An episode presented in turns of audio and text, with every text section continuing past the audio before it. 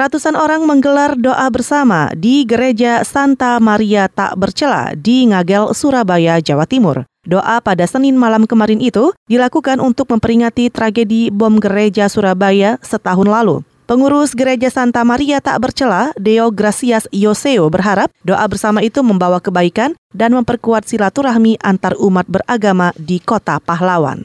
Tahun memperingati peristiwa 13 Mei, maka ujungnya itu difokuskan untuk bagaimana memberikan makna yang mendalam dari peristiwa 13 Mei tersebut. Dan itu dalam doa, dalam misa ini, dalam ibadah. Pengurus Gereja Santa Maria tak bercela, Deo Gracias Yoseo juga menyatakan doa bersama menjadi bukti komunitas lintas agama bersatu padu memberi motivasi positif kepada para korban. Doa bersama peringatan setahun bom Surabaya itu juga memperkuat persatuan dan rasa solidaritas antar umat beragama sambil berharap peristiwa seperti itu jangan pernah terulang lagi.